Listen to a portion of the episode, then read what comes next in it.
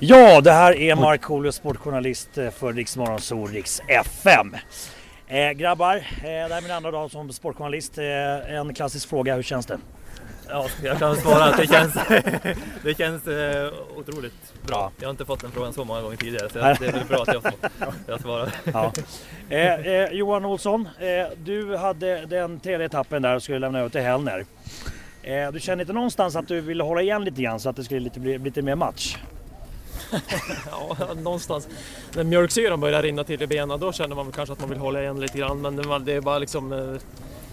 Ja, det är väl mera köra, köra, köra och försöka ge, ge Marcus varenda, varenda sekund han, eh, han, han får helt enkelt. Ja. Eh, idag hade vi Putin och eh, Markoolio i publiken. Vilket känns störst för er? Ja, svår, svår fråga. kanske, kanske Putin ligger. Asså? Ja, ja. Men Du är ändå sportjournalist. Ja, just, ja, just det, precis. Eh, hur kommer vi fira här ikväll? Kul. du med vi? Nej men vi, vi fem.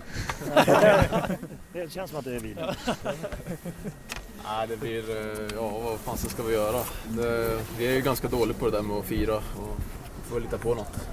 Ja. Det kanske du kan hjälpa till med då? Jag ringer sen så ses vi. Jag hämtar upp er med taxi.